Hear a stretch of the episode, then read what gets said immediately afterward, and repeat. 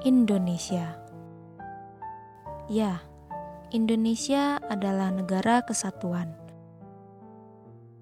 Dari berbagai suku, ras, bangsa, agama menyatu jadi satu dalam suatu negara, yaitu Indonesia. Tapi, apakah kalian tahu, zaman demi zaman mengalami suatu dinamika yang tadinya kuno, sekarang jadi modern. Yang tadinya manual, sekarang jadi digital.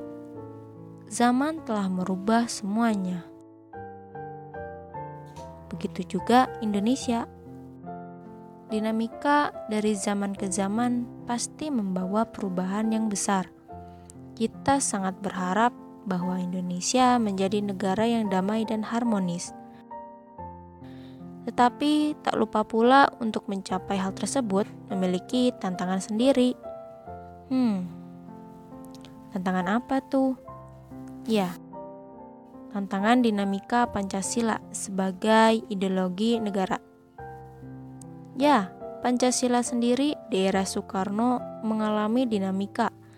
Bahkan sekalipun dia yang menciptakan Pancasila dengan adanya partai komunis dan desakan Nasakom pada era itu membuat goyah terhadap Pancasila. Nah, bagaimana tantangan dinamika di era sekarang? Tentunya ada. Kalian bisa lihat kondisi Indonesia sekarang. Dimulai dari gerakan separatisme atau memecahkan diri dari Indonesia, terpecah belahnya suku di Indonesia terorisme di suatu wilayah, radikalisme pada penegakan hukum, saling egois di antara kelas atas dan kelas bawah. Tidak adanya keadilan dalam hukum, bahkan di era zaman ini, hoax juga berupa tantangan yang harus dihadapi saat ini.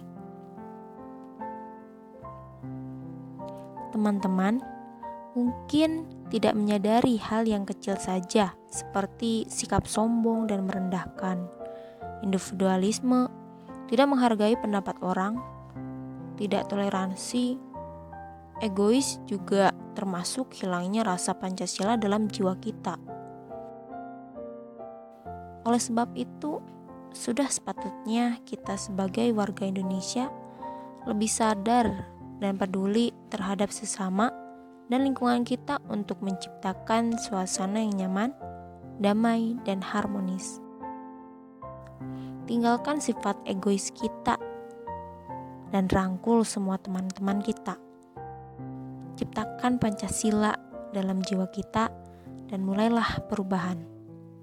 Kalau bukan kita, siapa lagi?